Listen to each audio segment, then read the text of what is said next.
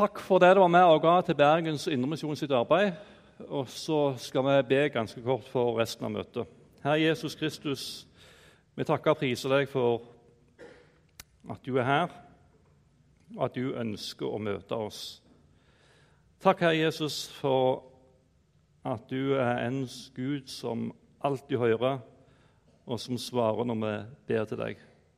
Og så takker jeg og priser deg, Herre, for at du kan møte oss i dag.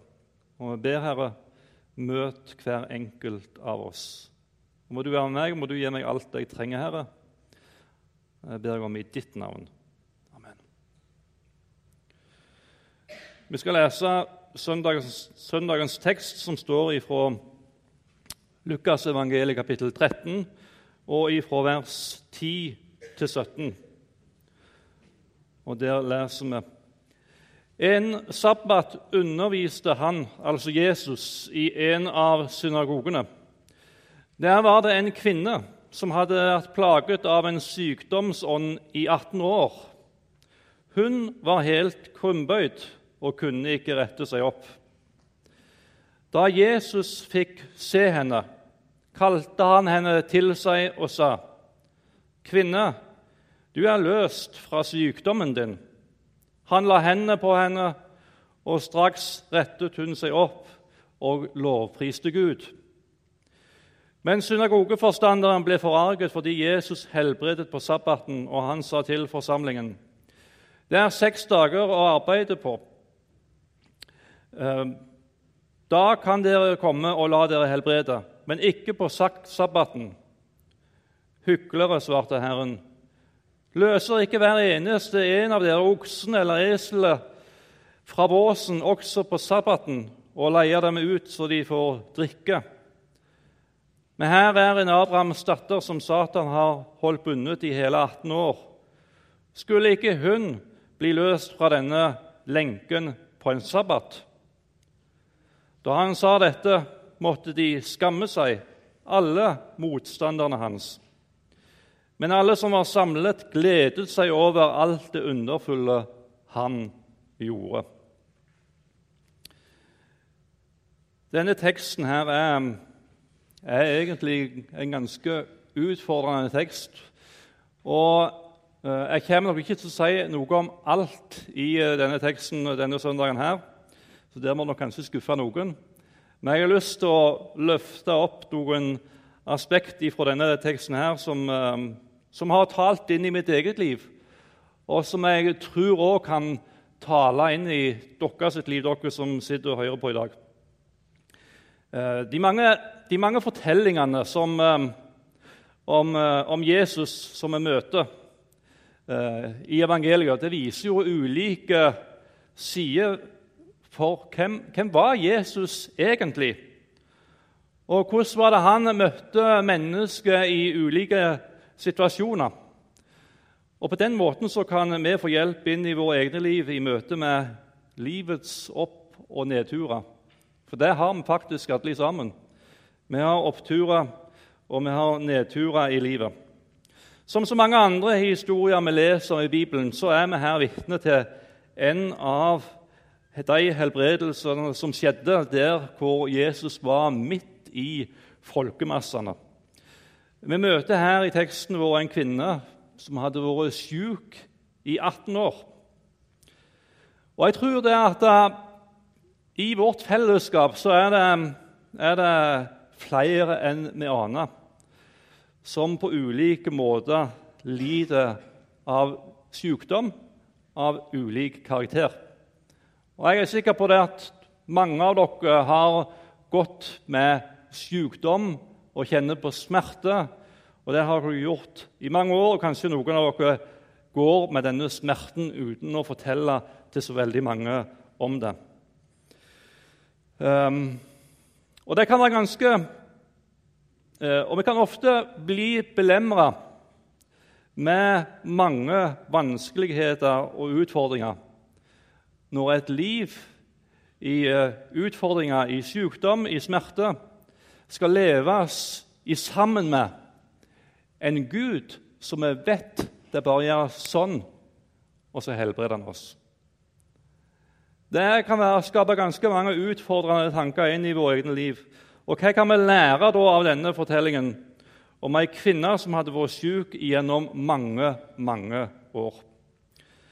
Det første jeg har lyst til å si noe om, det er at denne, denne kvinna var ei Abrahams datter, står der, som hadde vært syk i 18 år.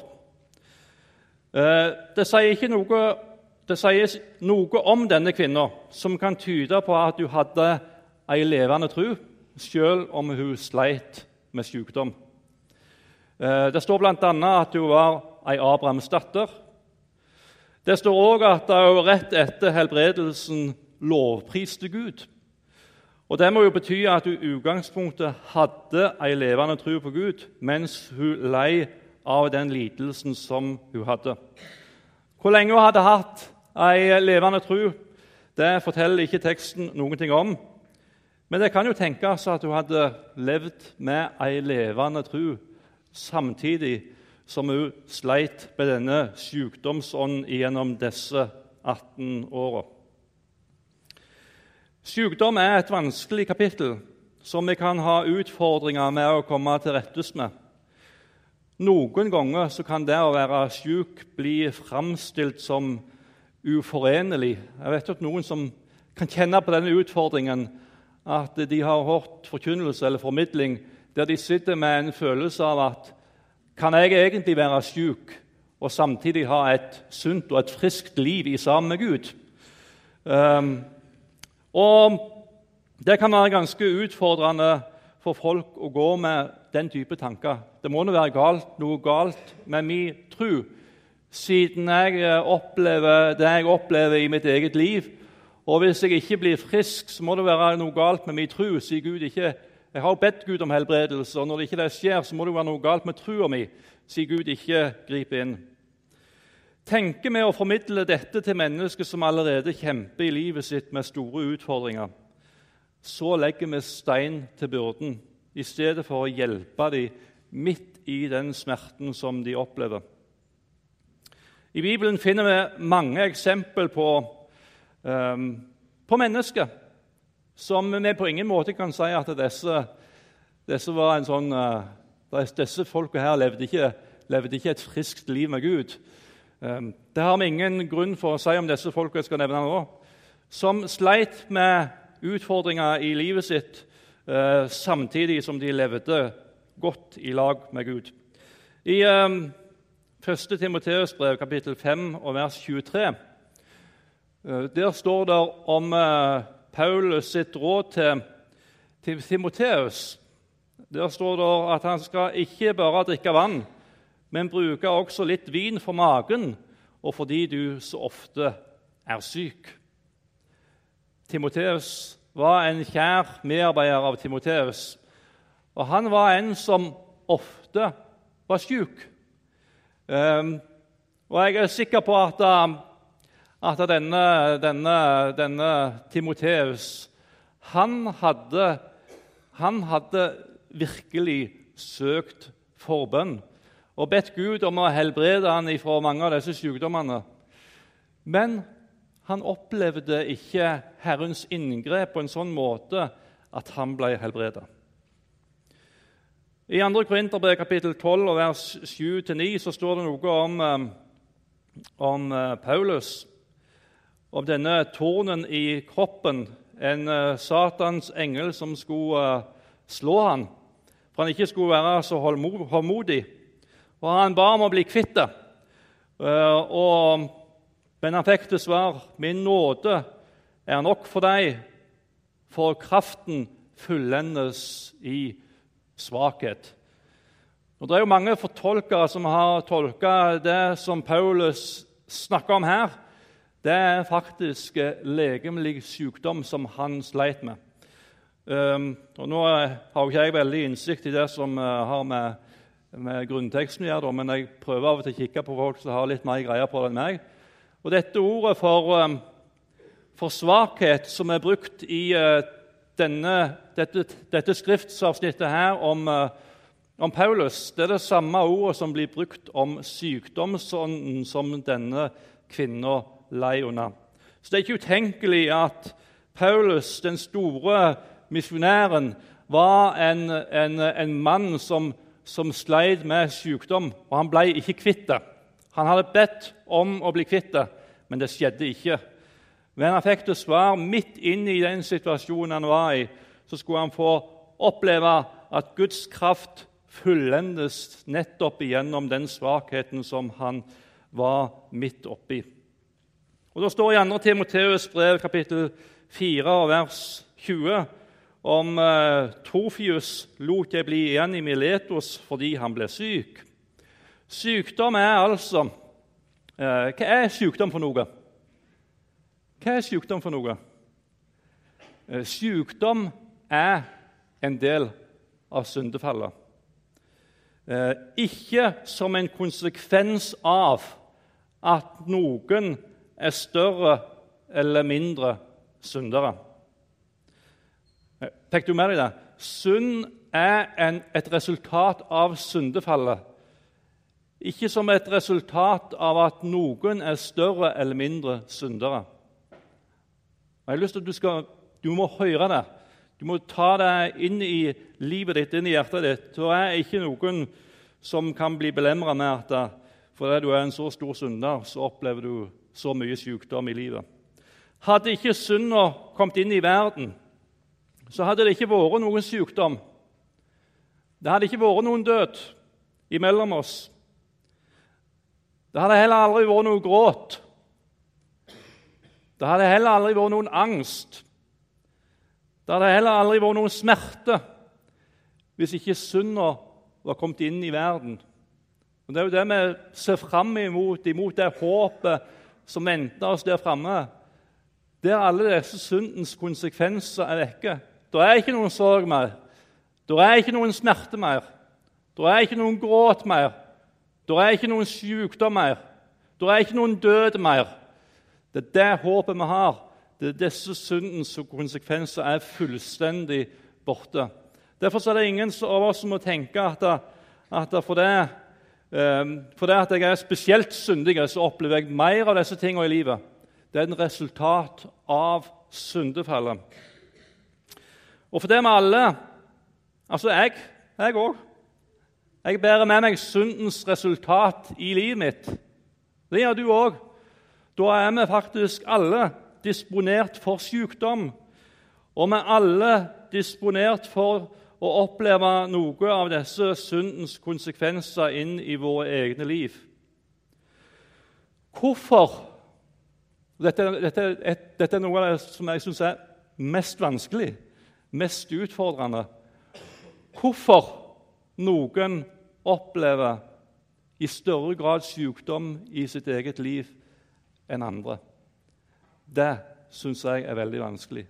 Og det er et svar, et spørsmål, som iallfall ikke jeg finner svaret på. Hvis noen har et klokt svar på det, så vil jeg gjerne snakke med dem. Men jeg finner ikke noen klokt svar på det. Um, og Derfor så tror jeg at vi ikke må legge stein til byrden for de som på ulike måter kjemper i livet men være til stede for dem gjennom den smerten som de erfarer i eget liv. Denne Abrahams datter led av, hun led av sykdom i 18 år.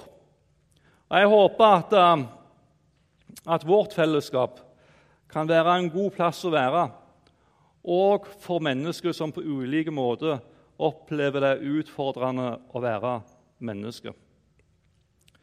Det var det første jeg har lyst til å si noe om. Og Det andre er Jesus Jeg synes det det det det er noe utrolig flott som lyser ut fra denne her historien. Jesus han, han griper inn uten at Abrahams datter ber om det. Gud, Jesus griper inn uten at Abrahams datter ber om det. For Det står ingen plass i denne teksten at denne kvinna, denne Abrahams datter, sto der og 'Jesus, du må helbrede meg.' Det står ikke det. Han, uh, hun ba ikke om helbredelse i det hele tatt. For Jesus han så denne kvinna. Han eh, grep inn i livet med et overnaturlig under. Og hun ble frisk ifra den sykdommen som hadde plaga henne i 18 år. Av og til så tror jeg, eller iallfall jeg kan sjøl komme inn i den gata, at bare med Altså hvis vi opplever utfordringer på ulike måter, og, og de som opplever sykdom At hvis jeg bare ber lenge nok, hvis jeg bare ber inderlig nok, hvis jeg bare søker Gud så intenst, så vil jeg oppleve Guds inngripen på overnaturlig måte, og jeg blir fri ifra de lidelsene og den smerten som jeg har. Sånn tror jeg mange kan ha det inn i sitt eget liv og opplever en ikke-helbredelse, ja, vet du hva, da må jeg bare stå litt mer på. Da må jeg bare gi litt mer gass i det å søke Gud. Så vil det nok kanskje til slutt eh, komme et under inn i, inn i mitt eget liv. Um, og det kan bli for folk som sliter med sykdom i livet, så kan det bli fryktelig slitsomt å leve på den måten inn i livet i sammen med Gud. Og Iallfall hvis de hører det formidla, at du må, du må, søke litt mer inderlig. Eh, du må gå inn i bønn og faste for at du skal bli fri fra denne sykdommen. her. Og så gjør en det, og så skjer det ikke noe. Og så går åra, og så kjenner en på en større og større smerte inn i sitt eget liv.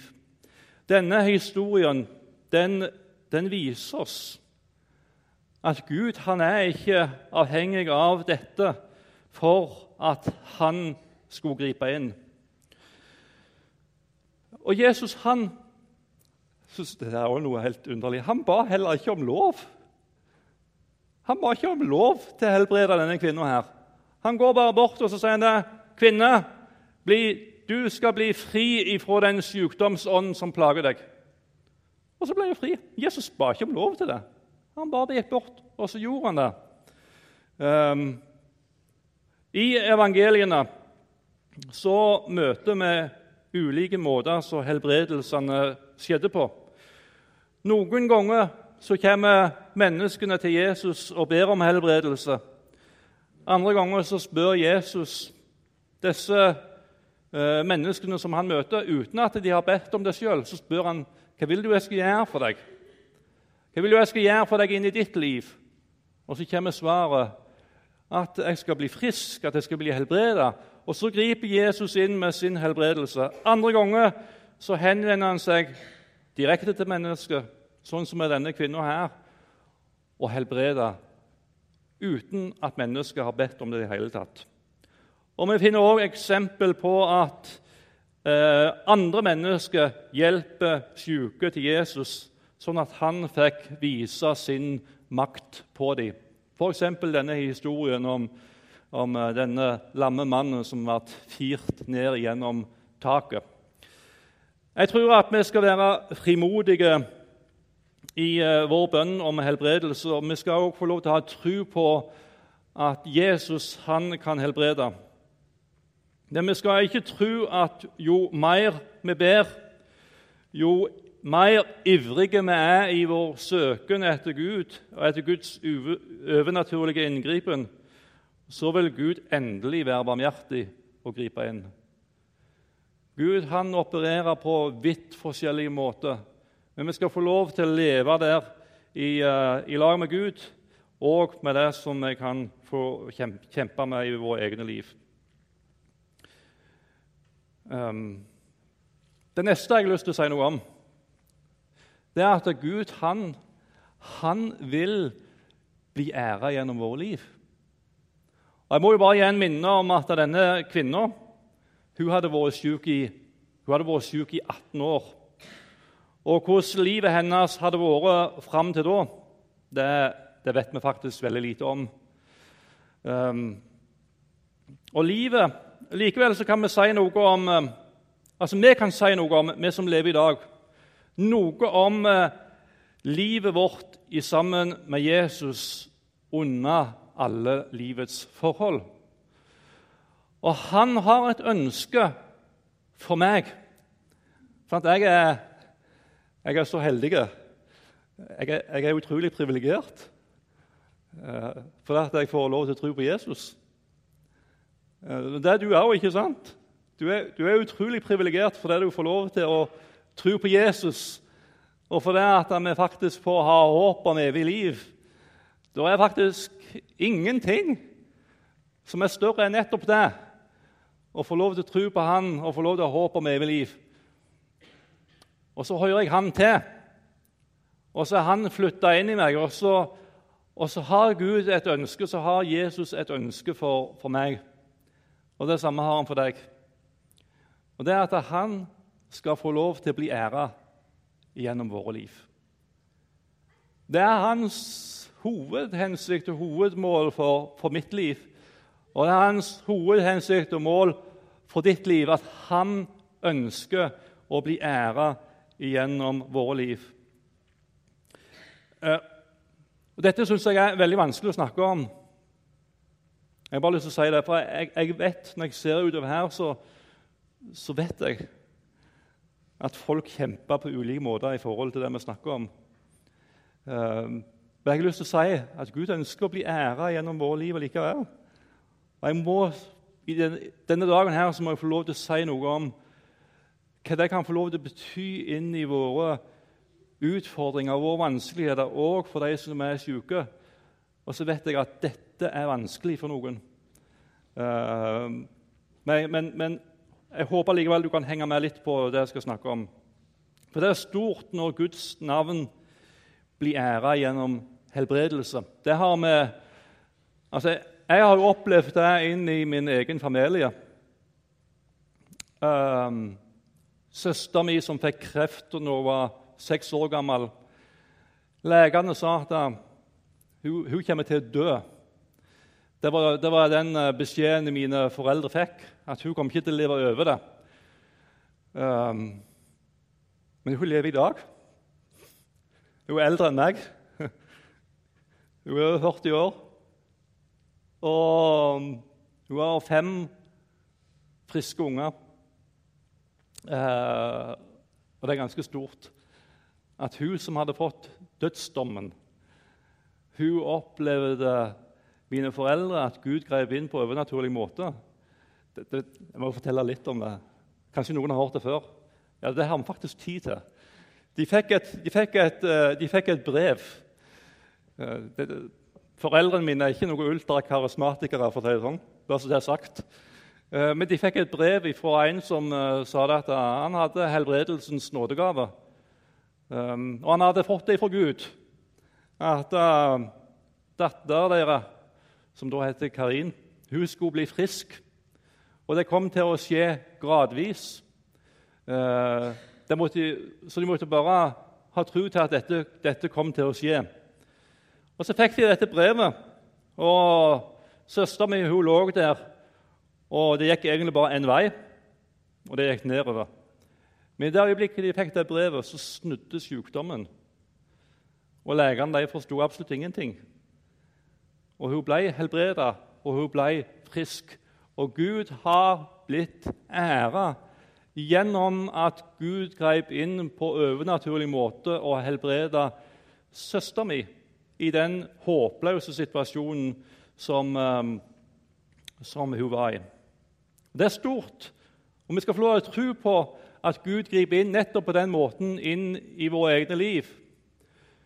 Men det er òg stort at uh, Guds navn blir æra gjennom menneskelig lidelse og smerte og sykdom. Uh, det står i um, Romerbrevet kapittel 8, vers 28, uh, og dette er et vers som, som jeg må tenke på rett som det. Da står det at vi vet at alt tjener til det gode for dem som elsker Gud, den som Han har kalt etter sin frie vilje. Og Dette dette er et vers som jeg ikke tror vi skal putte og pøse på folk som er i en veldig vanskelig situasjon. Men jeg, jeg, hvis du opplever det utfordrende i ditt eget liv, så vil jeg at du skal tenke litt på dette verset. Og så søke Gud, og så spør Gud Gud, jeg, ehm, og Du skal få lov til å være ærlig overfor Gud. Du skal få lov til å si akkurat hva du tenker. Og det, synes jeg, altså, det er ikke sånn at når jeg kommer til Jesus og skal si til han hvordan jeg har det, så liksom Jesus, nå må jeg, nå må jeg stramme meg litt opp. Eh, nå må, jeg, eh, nå må jeg gjøre meg litt bedre enn det jeg er. Altså, Når jeg kommer til Jesus, så skal jeg få lov til å slippe alle hemninger. Og så skal jeg få lov til å si han, til han akkurat hvordan jeg har det. Jeg skal få lov til å uttrykke for han akkurat de følelsene jeg kjenner på. Uh, og i forhold til dette verset her Du som kjemper og sliter så kan det være godt at du står og så ser du inn i ditt eget liv og så tenker du, Gud, jeg forstår ikke jeg forstår ikke at dette tjener til noe godt. Jeg forstår det ikke i det hele tatt. Og så må du kanskje be Gud Gud, du må vise meg hva det er du har ment med dette her som står her. Jeg forstår det ikke. Jeg fatter det ikke. Men du må vise meg noe av hemmeligheten som ligger i dette verset her, at alle ting tjener deg til gode for dem som elsker Gud, dem som Han etter, har kalt etter sin frie vilje. Du må vise meg Gud. Og Av og til så kan det kanskje være sånn at du sier det til Gud. Jeg forstår ikke Jeg forstår ikke hvor godt dette her skal virke inn i mitt eget liv, men jeg tror det du har sagt i ditt ord. Og jeg velger å være hos deg midt igjennom den smerten og lidelsen som jeg opplever. Um, Gud blir æra òg gjennom menneskelig lidelse og smerte. I 2. Korinterbrev kapittel 4 og vers 6-11 eh, så står det For Gud som sa lys skal stråle fram Hva står det? Fra mørket. Han har også latt lyset skinne i våre hjerter, for at kunnskapen om Guds herlighet i Jesu Kristi ansikt skal lyse fram. Men vi har denne skatten i leirkrukker for at den veldige kraften skal være fra Gud og ikke fra oss selv. Vi er alltid presset, men ikke knekket. Vi er rådville, men ikke men ikke rådløse, forfulgt, men ikke forlatt, slått ned, men ikke slått i hjel. Vi bærer alltid Jesu død med oss i vår egen kropp, for at også Jesu liv skal bli synlig i den.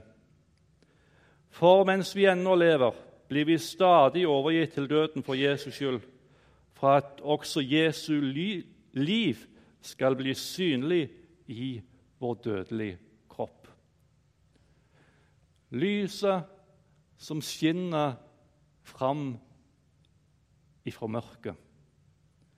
Det er noe lyst som kan skinne fram ifra det mørket som egentlig er fullstendig håpløst ifra våre liv, og så blir Jesu navn æra.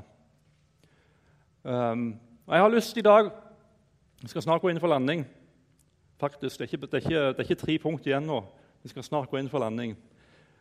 Uh, men Torunn Markus Jeg kunne ikke la være å tenke på henne når jeg forberedte meg til, til denne preika denne søndagen. Og Hun har vært ganske åpen om, eh, om eh, sin sykdom. Og det er ikke noe tvil om når jeg, har, når jeg tenker på henne, så tenker jeg Hva er det med Torunn? Hva er det med Torunn? Jo, hun har gjennom sitt eh, liv fått lov til å gitt oss et sterkt vitnesbyrd om at Guds, Guds navn ble æra gjennom stor menneskelig lidelse. Um, og Det er ikke alle her som er på Facebook, men hun har lagt ut uh, mange ulike meldinger på Facebook der hun har fortalt åpen om hvordan hun opplevde sin sykdom. Og så tenkte jeg, Når hun har lagt ut der, så tenker jeg, da har jeg lyst til å dele det med dere her i dag. Og selv om hun nå er borte, hun er ikke lenger iblant oss, så kan det være et, et, et stort eksempel på at Guds navn blir æra gjennom menneskelig lidelse og smerte, som er uforståelig for oss. Den 30. juli da skriver hun dette kan være siste meldingen jeg orker å sende. Og Så skriver hun litt om sykdommen sin, og så skriver hun til slutt Til slutt vil jeg presisere at jeg ikke er redd for å dø. Jesus er med. For meg er livet Kristus og døden en vinning. Guds velsignelse til dere alle. Klem fra Torunn. Og så kjenner jeg på Tenk at Gud kan være der og gi en sånn kraft inn i den smerten som hun opplevde. Um, 1. november, dagen etter bursdagen, uh, som uh, hun og søstera har i lag, de er jo tvilling, tvillingsøstre, så skriver hun på Facebook takker for alle bursdagshilsinger. Og og så skriver hun til slutt vil jeg hilse dere med en sang jeg har tenkt mye på i den siste tiden. Og så har jeg Ren og rettferdig, himmelen verdig. Er jeg i verdens frelser alt nu? Ordet forkynner at mine synder kommer han aldri mer i hu. Og jeg er frelst og salig fordi Sønnen har gjort meg virkelig fri, fri ifra nøden, dommen og døden. Amen. Halleluja. Klem fra Torunn. Hører du lyden av Jesus? Hører du lyden av håpet? Selv om alt håp menneskelig talt er ute, så hvis du Nå skal jeg snart møte Jesus. Og så tenker jeg eh, eh, Det at Gud kan være der òg og bære et menneske gjennom så mye lidelse og så mye smerte, og at en kan stå der og bringe håp ut ifra noe som egentlig er håpløst Guds navn blir æra gjennom menneskelig lidelse og smerte. Um, det siste, det aller siste. Jesus han er herre over all sykdom. Uh, og så tenker jeg Vi skal få lov til å takke Gud for de gangene vi her i livet får oppleve en forsmak på det vi en gang skal oppleve hjemme i himmelen hos Jesus. Den forsmaken fikk denne kvinna vi leser om her i dag, oppleve. Søsteren min fikk lov til å oppleve det. Torunn hun fikk ikke oppleve den forsmaken på at hun ble helt frisk mens hun var her nede på jorda. Men nå er hun frisk. Nå er Torunn frisk. Nå er hun hjemme hos Gud. Hun er borte fra legemet og hjemme hos Herren. Og vi skal alle en gang få lov til å bli kvitt all lidelse, all smerte, all gråt, all pine. Hvorfor? For vi har et håp. Vi har et levende håp. Og da står det, og det skal jeg lese helt til slutt, i 1. Peters brev 1, 3-4 Lovet være Gud, vår Herre Jesu Kristi Far, Han som i sin rike miskunn har født oss på ny til et levende håp ved Jesu Kristi oppstandelse fra de døde, til en arv som aldri forgår, aldri skitnes til og aldri visner. Altså, Jeg blir jo bare eldre, jeg. Det er bare den. Og det, er, altså, det er en ting som er sikkert, og det er at vi alle går imot døden. Og sånn som det naturlig er for oss alle, til nærmere vi kommer til døden, til skrøpeligere blir vi. Og Jeg har jo til og med fått grått hår i en alder av 39 år. Altså, Hvordan i all verden skal det kunne gå an? Eh, men vet du hva? Vi har det beste igjen, uansett. Jeg har sagt av og til til folk som, som, eh, som ikke tror på Jesus Så jeg har sagt til dem at, um, at um, hvis jeg nå drar hjemover og, og treffer en bil front mot front Jeg treffer en bil, og jeg er ferdig her nede på jorda. Så vet jeg at jeg går til bedre, et bedre sted.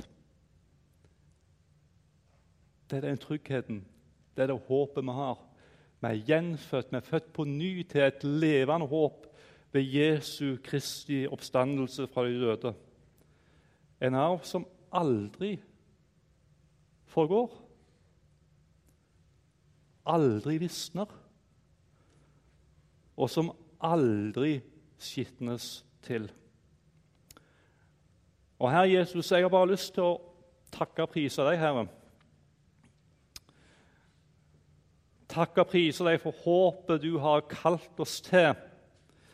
Og takk, Herre Jesus, for at jeg får lov til å ha deg inn i mitt eget liv.